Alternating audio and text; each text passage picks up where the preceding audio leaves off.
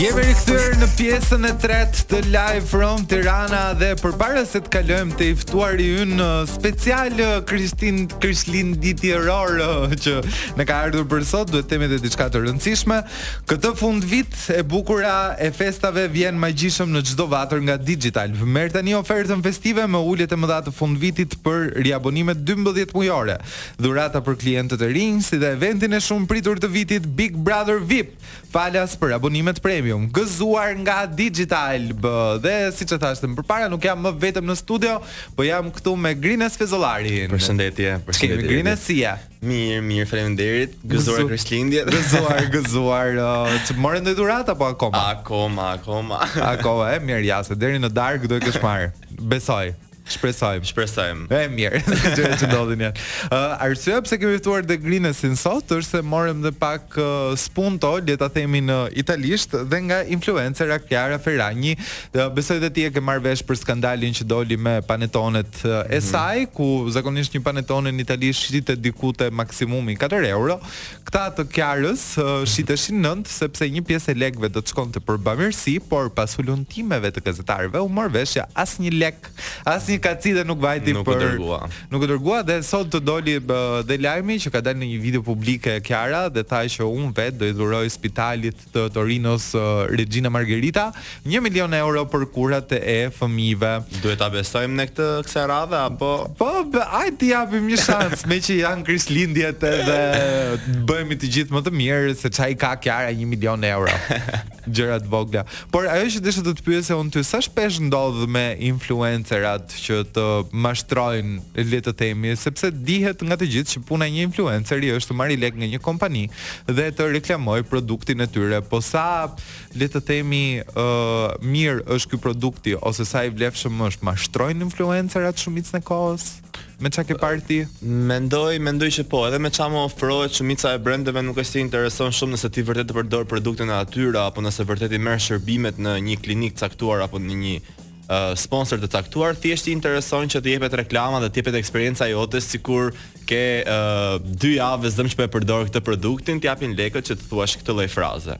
Por nuk ndërkohë nuk është e vërtetë që e përdor këtë produkt. Ka jo, në shumicën e rasteve ndodh që influencerat i përdorin vërtet këto produkte ose këto shërbime, por ka edhe nga këto raste që nuk mungojnë kurrë që as nuk e përdorin, as nuk kanë asnjë lloj eksperience personale me këtë brand ose produkt, dhe e japin në rrjetet sociale sikur kanë një kohë të gjatë që e përdorin dhe sikur efektet kanë dalë shumë të mira apo pozitive nga ky produkt. Po ty të ka ndodhur për shembull që ta zëmë të është afruar një kompani me një produkt të caktuar, ty nuk është se të ka pëlqyer produkti ose nuk ke dashur të ngatrohesh me atë gjë, e ke refuzuar edhe më pas ke parë influencera të një rangu për shembull edhe goxha më të lartë ose edhe personazhe publike që nuk është se kanë punë kryesore influencerin, por kanë uh, një një bazë ndjekësish shumë të madh. Patjetër që po, më ka ndodhur biles kam qenë dhe në mëdyshje tek një prej reklamave ta pranoj apo jo prej shumës që bëhej fjalë, por duke parë që deri tani ë uh, kam kam mund jam munduar dhe kam vazhduar të bëj sa më shumë reklama të besueshme dhe sa më shumë reklama që dhe vetë i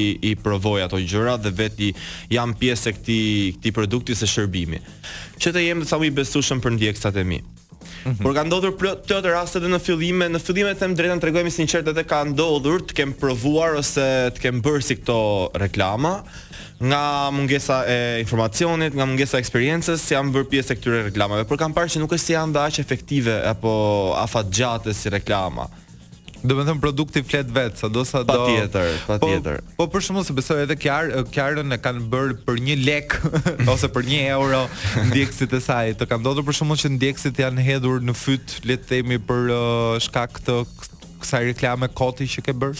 Siç e thash, ka ndodhur që i kam përdorur këto reklama vetëm për vlerën monetare që më është ofruar në fillimet e mia, por Ëm, nuk është se më janë hedhur në fyt se kam reklamuar diçka që nuk ka qenë e vërtetë, por më pyesnin vazhdimisht që është vërtet ky produkti efektiv ose është vërtet kjo gjëja që po reklamon e mirë dhe jam munduar të edhe të gënjej në fillim edhe të tregohem i sinqertë pasi shumica e personave që edhe pyesin mund të jenë edhe në rrethin tim shoqëror dhe nuk kam dashur të tregohem mashtrues dhe me njerëzit e mi të afërt dhe thjesht i tregoja gradualisht që ky produkti nuk është se është siç duket derisa binim në kundërshtim me njëri tjetrin derisa un tregoja që vërtet që ky produkti është thjesht paid partnership për shembull. O zot. e ça bën njeriu. Do vazhdojmë akoma të flasim për mashtrimet e influencerave, po vetëm pas pak rikthehemi këtu në Live from Tirana.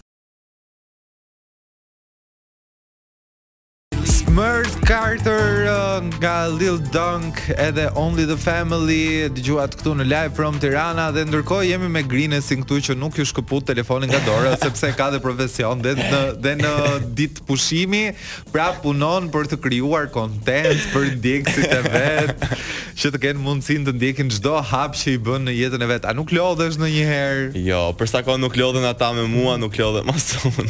Okej, shumë mirë. Vazhdojmë të flasim pak edhe për këtë çështje të influencerave që janë shtuar dhe shumë kohët e fundit. Po pyetja ime është, të gjithë këta paguhen nga brendet që bëjnë tag? që më kujtove se shikoj shumë të këtyre uh, Fashion Nova, bëjnë atë tagun aty sikur janë influencer, po mendoj, mendoj, thell, thell, brenda këtyre, thjesht nuk e kanë atë bashkëpunimin me brendin dhe thjesht bëjnë një tag me rrobat që blejnë vetë. Unë që s'do ta bëja kurrë, diçka që e kam refuzuar ta bëj deri tani.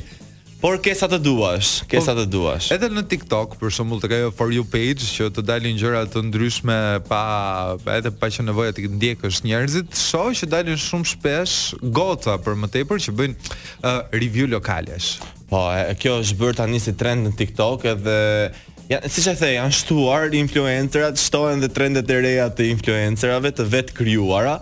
Dhe kjo është më shumë një si tip trendi në TikTok që shkon edhe bën këtë review-n e ushqimeve bëjnë si këto uh, se këtë zakonisht jashtë shtetit e kanë pas nisur guzhinierë tamam ose persona që janë për lounge-a apo për ushqime dhe japin një review të vërtetë për ushqimin. Çfarë review do japun për ushqimin kur nuk marr vesh nga pjesa e ushqimit, apo thjesht mendimi im i lokalit siç bëjnë, vendi 10 në 10, ushqimi 3 në 5. Po, ndërkohë s'dinë të hanë.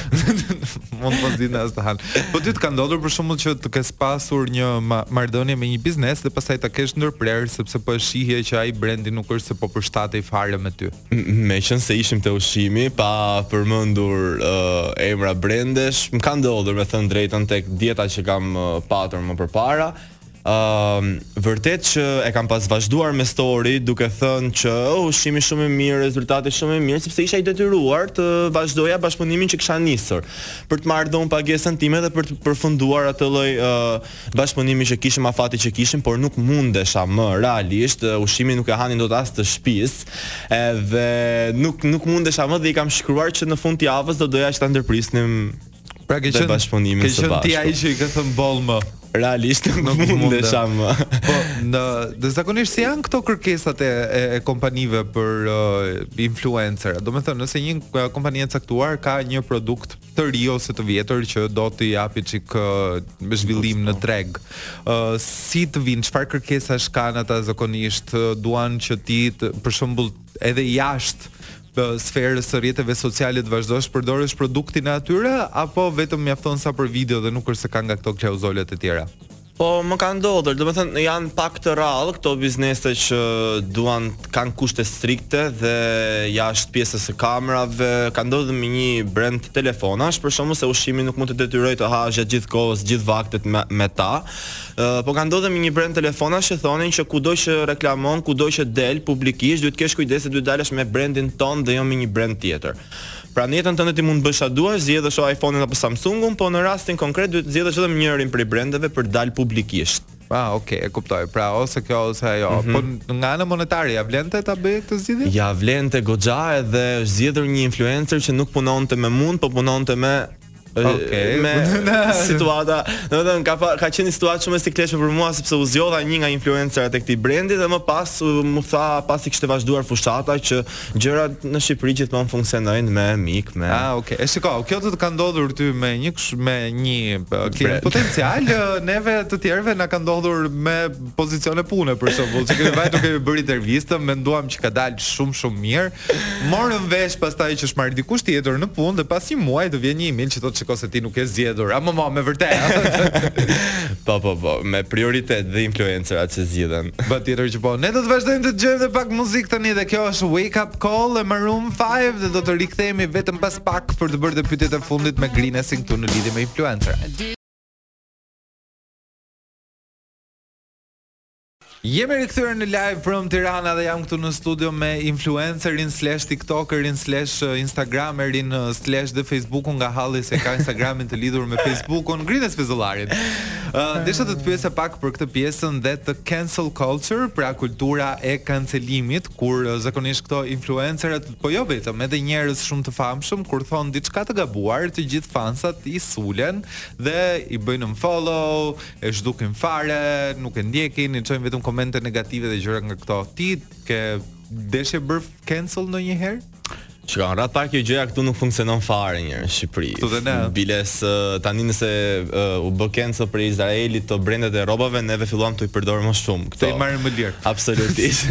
Por, uh, para shumë kohësh në TikTok, ndryshe nga platformat e tjera, ndodh pak më shumë kjo pjesa e cancelit, sepse nga aty e mësuam ne TikTokersat, si kulturë dhe po kam qenë gati për të marrë një hate të tillë, një lloj urrejtje dhe një lloj mase njerëzish që donin të më kancelonin, por uh, nuk ka funksionuar, siç të thashë, plus që njerëzit as vetë nuk e dinin për çfarë bëhej fjalë, gjëja aktuale që po ndodhte Pra ti si një feniks u kështu u zgjove nga hiri dhe u ringjalle për t'u rikthyer. Ë nuk kam përjetuar fare atë pjesë, domethënë, por është tentuar të bëhet uh, cancel për arsye të N-wordit s'na pëlqen ta themi. A po për të gjithë ju që nuk dini anglisht, fjala me N është një fjalë që përdoret për të përshkruar zezakët në Amerikë, e cila është e ndaluar të thuhet nga njerëzit e bardhë dhe më duket se vetëm Eminemi e ka lejen për ta thënë atë fjalë. Që ndërkohë neve nuk na lejohet ta përdorim, ta këndojmë apo ta themi kur ne shikojmë një film apo në një klip, po ndërkohë një person me ngjyrë kur e shohim rrugë jemi të parët për t'i thënë fjalën Po, shiko, faktikisht për ne shqiptarët lejohet të bëhet kjo gjë, ja pse do thua ti? Sepse ne kur kemi parë filmat amerikanë, jemi ndier më afër zezakëve se sa të bardhëve. Dhe kemi patur historinë më të ngjashme me ata me vështirësi se sa me këtë familjen tipike që kaluajnë kalojnë krishtlindjet bukur ose harrojnë fëmijën e tyre ndërkohë që po shkojnë për Paris. Gjëra nga këto.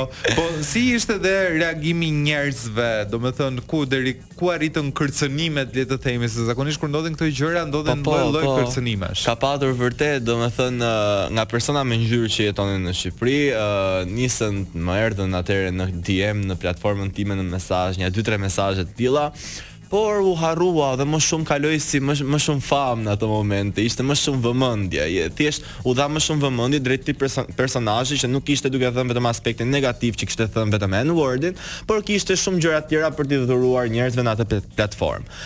Prandaj dhe u përdor në anën pozitive për për mendimin tim. Okej, okay, po sipas mendimit tënd kush mund të jenë disa influencera të këndshëm që mund të kemi këtu në Shqipëri. Mos të fillojmë të shajmë lart e poshtë se kush janë më të këqinjtë.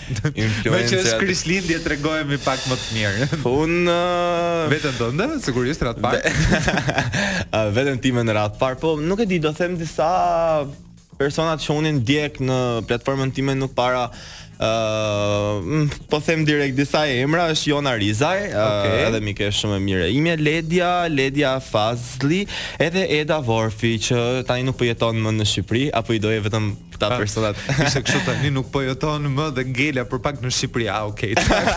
jo, jo, jo, jo, çfarë thua? Ka ikur, ka ikur, na ka lënë, na ka lënë neve këtu. shumë mirë ia ka bërë. Po gjatë kësaj periudhe së Krishtlindjeve dhe të vitit të ri që normalisht ka boom këshilla e influencerave. Kush si, si mund të dallojmë ne kur dikush thjesht po e bën këtë gjën për para dhe dikush tjetër po e bën sepse me vërtet ka një produkt që i pëlqen dhe do i këshillonte të gjithë që ta blinte. Tani këtu te vendi im do të ishte një ekspert marketingu, po unë do të them aq uh, eksperjenca sa kam dhe vetë, unë të paktën dalloj kur një produkt nuk shitet shumë, jepet shumë push dhe shohim uh, me mijëra influencer këtu në Shqipëri që janë bërë të gjithë bashkë duke bërë një fushatë. Ose mund të shikojmë atë uh, brand që për shembull uh, dallohet influenceri kur e përdor për një muaj këtë reklamë, këtë produkt apo e, e vazhdon përdor... afatgjatë. Po. Që në rastin konkret mund të ketë edhe bashkëpunim afatgjatë, por janë të rralla, janë thjesht njerëz që i përdorin për një kohë të shkurtër ose i shikon këtu duke bërë reklamën e një parukerie dhe të nesërmen e sheh te një parukeri tjetër. Shkon prapë tek ajo e lagjes se e ka të besuar që e di se ia bën flokët. Okej, okay, shumë mirë. Unë doja të të falënderoja shumë që more kohë nga Krishtlindjet e tua që të vije këtu sot në emision. Gjithmonë kënaqësi. Edhe kalofsh Krishtlindje sa më të bukura. Gjithashtu. Ne do të rikthehemi vetëm pas pak, po do të fillojmë të qajmë një herë me Ylli Limanin, që kjo nuk është kënga e re që ai ka nxjerr, po do ta dëgjojmë më vonë edhe këtu në Top Albania Radio. Tani do të ngelemi me një nga këto perlat e vjetra dhe kjo është kënga e tij, Qaj.